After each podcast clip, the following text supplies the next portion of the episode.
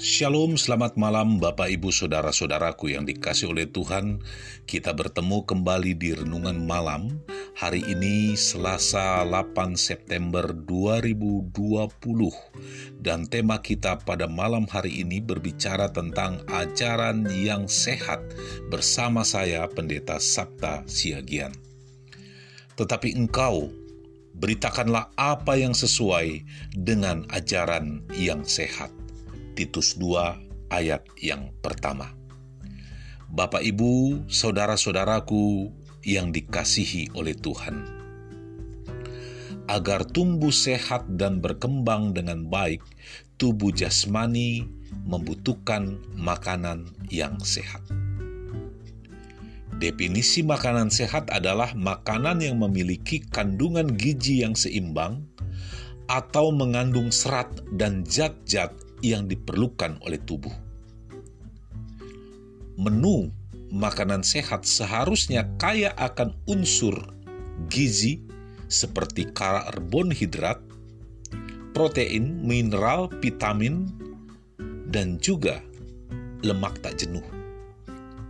Atau lebih tepatnya disingkat dengan empat sehat lima sempurna. Demikian juga manusia rohani, kita membutuhkan makanan rohani yang sehat. Ada tertulis, manusia hidup bukan dari roti saja, tetapi dari setiap firman yang keluar dari mulut Allah. Matius 4 ayat yang keempat. Makanan rohani itu seperti apa? Makanan rohani itu seperti firman Tuhan. Ada sebuah keintiman personal, hubungan pribadi kita dengan Tuhan.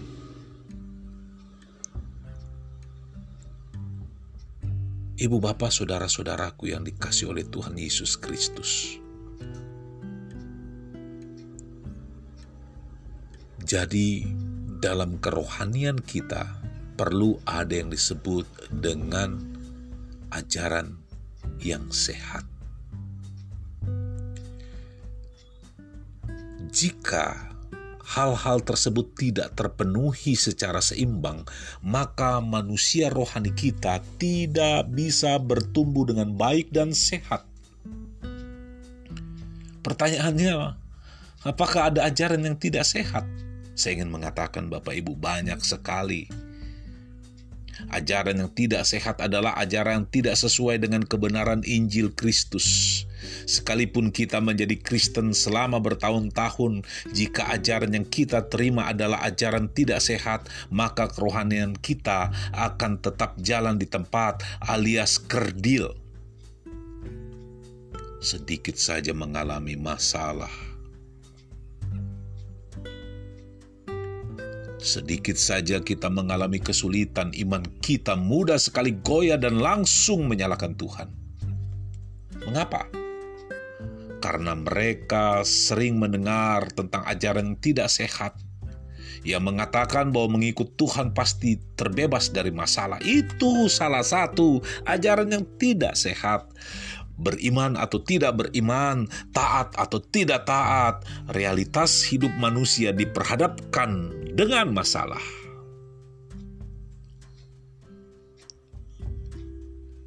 Tuhan tidak menjanjikan kita bebas dari masalah.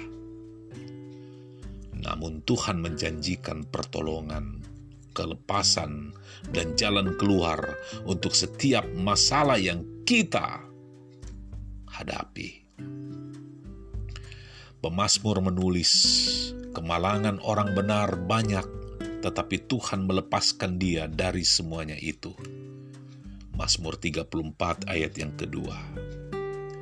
Ibu bapak saudara-saudaraku yang dikasih oleh Tuhan, ajaran tidak sehat lain mengatakan bahwa mengikut Tuhan itu tak perlu membayar harga, sedangkan Tuhan berkata, setiap orang yang mau mengikut aku, ia harus menyangkal dirinya, memikul salibnya, dan mengikut aku. Matius 16 ayat yang ke-14. Jelas sekali bahwa mengikut Tuhan itu ada harga yang dibayar. Segala keinginan daging harus disalibkan. Kita harus keluar dari zona nyaman kita dan taat mengikuti kehendak Tuhan.